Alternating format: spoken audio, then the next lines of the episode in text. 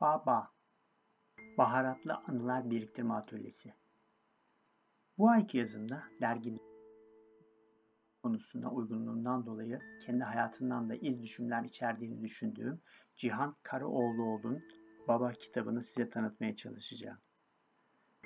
Yazarımız beraber eğitimler planladığımız ve gönüllü eğitimler veren bir uğur böceği. 1983 yılında İzmir'de dünyaya gelen yazarımız, geleceği hakkında bir yol ayrımı olan üniversitede sosyal bir bölüm seçmek istiyor. Ancak ailesinin yönlendirmesiyle işletme okuyor. Kendi ifadesiyle bir olmamışlık hissediyor içinde ve başka bir yol aramaya başlıyor. Önce motosiklet tutkusu yüzünden yarışlara katılıyor. Büyük bir kaza yapınca bırakıyor. Sonra hobi olarak Aikido'ya başlıyor. Aikido'nun kurucusu Morihao Ueshiban'ın son öğrencilerinden olan ve ustaların ustası olarak kabul edilen Gaku Honma Sensei 2007 yılında Türkiye'ye seminere geldiğinde Cihan da gidiyor o seminere. Tanışıyorlar ve hayatının asıl yolculuğu başlıyor. Amerika Colorado'daki dünyanın çeşitli yerlerinden gelen 15 bin öğrencinin eğitim gördüğü Aikido Nippon Kan okuluna gidiyor. Organizasyonun kurucusu Gakuhama Kancho'nun yatılı öğrencisi olarak kabul ediliyor ve 10 yıl sonunda Aikido, Kenjutsu, Jujutsu eğitimlerini başarıyla bitirerek bu organizasyonun tüm dünyadaki 10 eğitmen asistanından biri olmaya hak kazanıyor. Bu okulda almış olduğu geleneksel Japon savaş eğit sanatları eğitimi uzak doğu felsefelerini içselleştirmesini sağlıyor.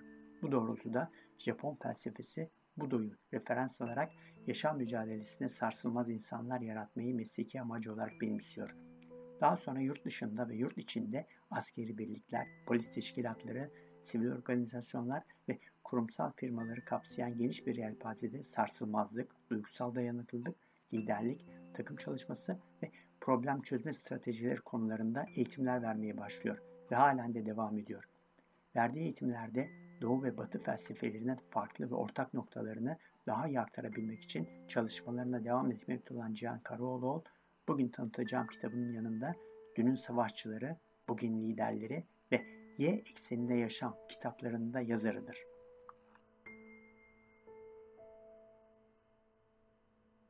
Tema atölyesinde baharat adının nereden geldiğini ve ne işe yaradığını kitabın başlarında şöyle açıklıyor yazar. Japon bir şefin söylediğine göre yemekleri, şefleri, mutfakları, hatta şehirleri ve ülkeleri birbirinden ayıran tek şey baharatlardır. Damaklarda tat bırakacak anılar tıpkı baharatlı bir Hint yemeği gibi dokunduğu insanda her daim hatırlanacak bir his bırakır. Bu yüzden unutulmazdır. Dimağlarda bu anları biriktirme görevini yerine getirenler arasında en çetin savaşçılar babalarıdır. Bir evladın yaşamında her daim hatırlayacağı bir tat ve koku olma çabası babaların verdiği kutsal bir savaştır.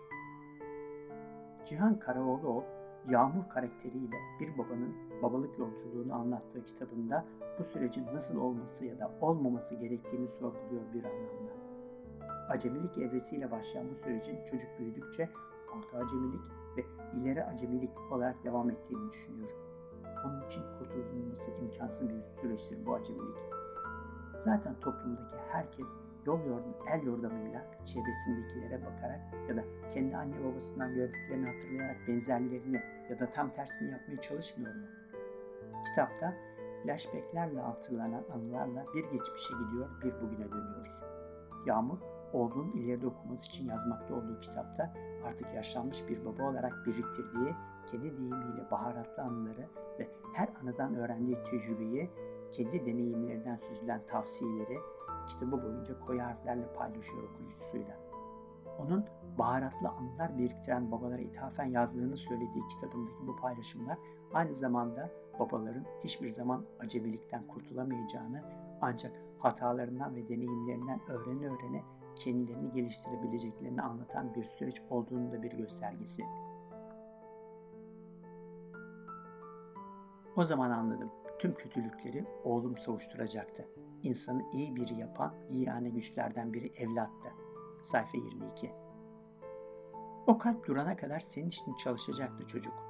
Sayfa 23 O zaman anladım babalık en az yapmak, olmak ve oldurmak kadar yapmamak, olmamak ve oldurmamakmış sayfa 25. O zaman anladım babalığın her zaman dört dörtlük kararlar verebileceğim bir merci olmadığını. Sayfa 26. O gün anladım babalık hiçbir zaman kapanmayacak ve düzeltilmeyecek yanlışlar bohçasıymış. Sayfa 29. O zaman anladım babalık bir çömlek misali pişip sertleşmekmiş. Sayfa 35. Baba olmak evladı önemli olduğunu hissettirebilmekti. Sayfa 49. O zaman anladım evladın hislerine, düşüncelerine ve kararlarına güvendikçe baba olunurmuş. Sayfa 86. O zaman anladım bir babanın davranışlarının evlatta bırakacağı etkinin büyüklüğünü. Sayfa 91. O zaman anladım ki babalık evladın izlerini aramak oluyordu zamanı gelince. Ne kadar kötü koksa da. Sayfa 106. O zaman anladım evladın kalbinde kapanmayacak bir delik babasının ölümüyle açılırmış. Sayfa 168. Bulut belli bir yaşa gelince acemilik döneminden sonra çoğu evlat gibi yuvadan uçar. Farklı bir ülkede yaşamaya başlar. Beraber olduğu Kares ile beraber bir çocuk gökkuşağı evlat edinmeye karar verdiğinde nasıl babalık yapması gerektiği hakkında babasına danışır. Aslında kitabı oğlunun çok daha sonraları okuması için yazmışken hemen oğluna gönderir Yağmur ve biz de olayların bundan sonraki gelişimine şahitlik ederiz.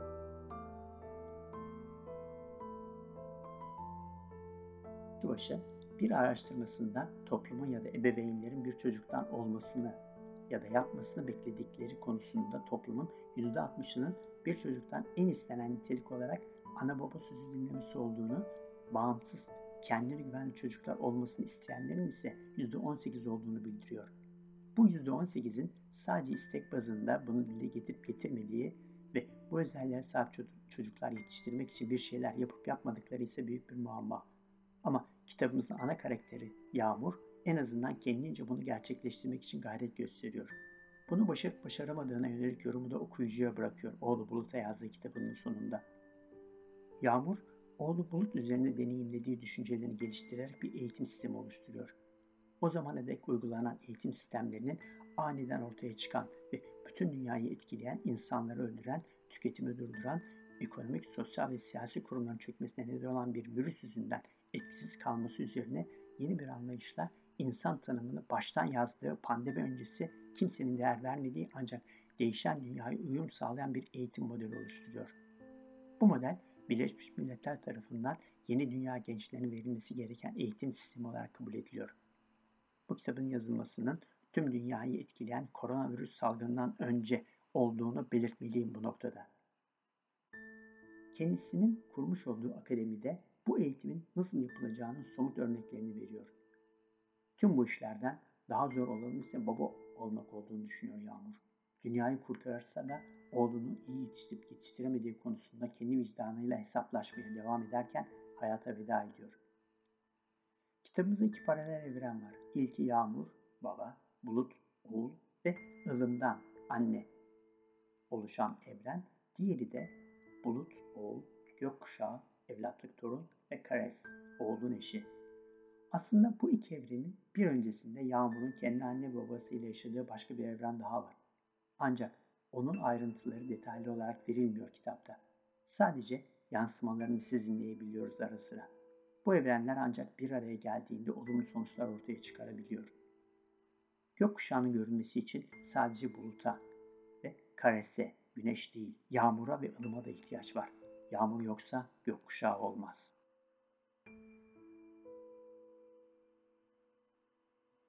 Özelliğini gösterici ise biraz deli dolu ve hareketli. Ilım ise istek ve tutkularında ölçülü. Gece ile gündüzün eşit olduğu, Türkçe'de ekinoks anlamına gelen adının anlamı gibi eşitlik ve sıcaklık yağıyor çevresine. Oğlunu koruyucu ve kollayıcı. Babasının ona zarar verdiğini düşünüyor kimi zaman.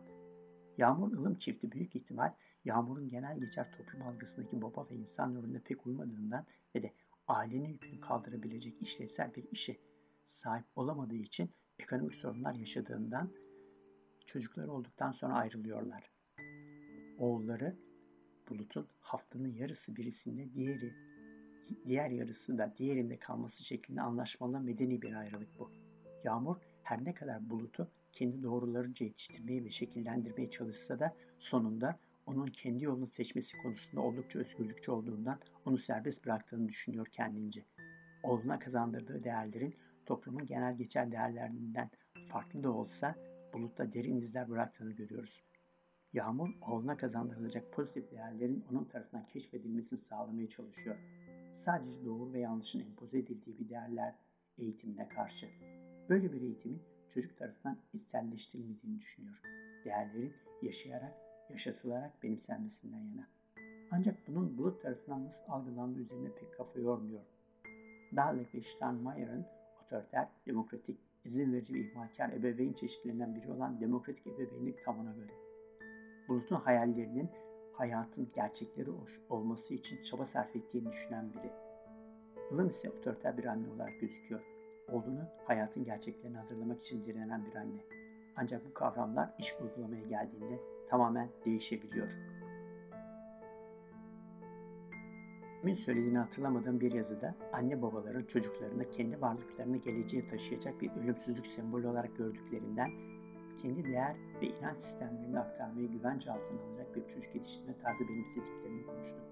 Yağmur her ne kadar özgürlükçü olduğunu düşünse de Bulut en azından çocukluk dönemlerinde aynı fikirde değil. Babasının vermeye çalıştığı eğitim sisteminden uzaklaşmaya çalışıyordu. Babasının kazan ona kazandırmaya çalıştığı ideallerin, hayallerin, görevlerin ve kuralların içinde boğuluyordu.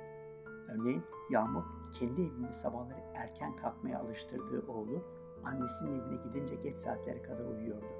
Daha önce planlamış olduğu bir planı beraberce gerçekleştirmek istediğinde oğlunun planlamış oldukları faaliyeti değil de annesinin evinde geç vakitlere kadar uyumayı tercih ettiğini ve bundan da pişman olmadığını duyduğunda o ana kadar oğluna kazandırmak istediği değerlerin ve yöntemin ne kadar doğru olduğunu sorgulamaya başlar. Oğlunun söylediği uyuduğumda dündü zaten dün bitti cümlesi Yağmur'un tüm yaşamını değiştiren cümle olur. Geçmişe takılı kalmayarak her yeni günle hayata yeni başlamak. Keşkesiz bir yaşam için yeni baştan kurar tüm hayatının matematiğini. Mevlana'nın söylediği gibi her gün bir yerden göçmek ne iyi. Her gün bir yere konmak ne güzel. Bulanmadan, donmadan akmak ne hoş. Dünle beraber gitti cancağızım. Ne kadar söz varsa düne ait. Şimdi yeni şeyler söylemek lazım. Bulut sayesinde değiştirir, yıllar boyu oluşturuyor bakış açısını ve Y ekseni öğretisini temel alan ve tüm dünyada kullanılacak olan yeni eğitim sistemi fikrini geliştirir. Y ekseni 24 saatten oluşmaktadır. Doğum günün başladığı 0. dakikada, ölüm de 24 saatin sonundadır. Bütün o yaşam dönemlerimizi bir güne sığdıracak şekilde yaşamayı önerir Yağmur. Dolayısıyla yazarımız Cihan Karaoğluoğlu. Çocuk gibi bir şeyleri araştırıp, genç gibi düşünmeden hareket edilip bir yetişkin gibi hayali gerçekleştirmek için proje çizileceği ve bir yaşlı gibi de oturup günün sonunda her şeyi kabul edilip affedilerek günün bitirileceği bir gün. 70 yıllık bir süreci 24 saate sığdırıyor. Y ekseni ile tam 25.550 yaşamımız oluyor. Her günün sonunda yarın bir yaşam daha var deyip günü öyle kapatmak insanı rahatlatıyor diyor.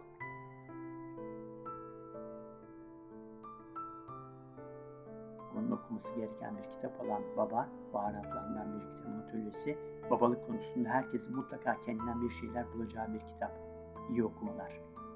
Cihan Karaoğluoğlu, Baba, Baharatlanlar Biriktirme Atölyesi 2020, İstanbul, Cenevre Fikir Sanat Yayıncılık Limited şirketi.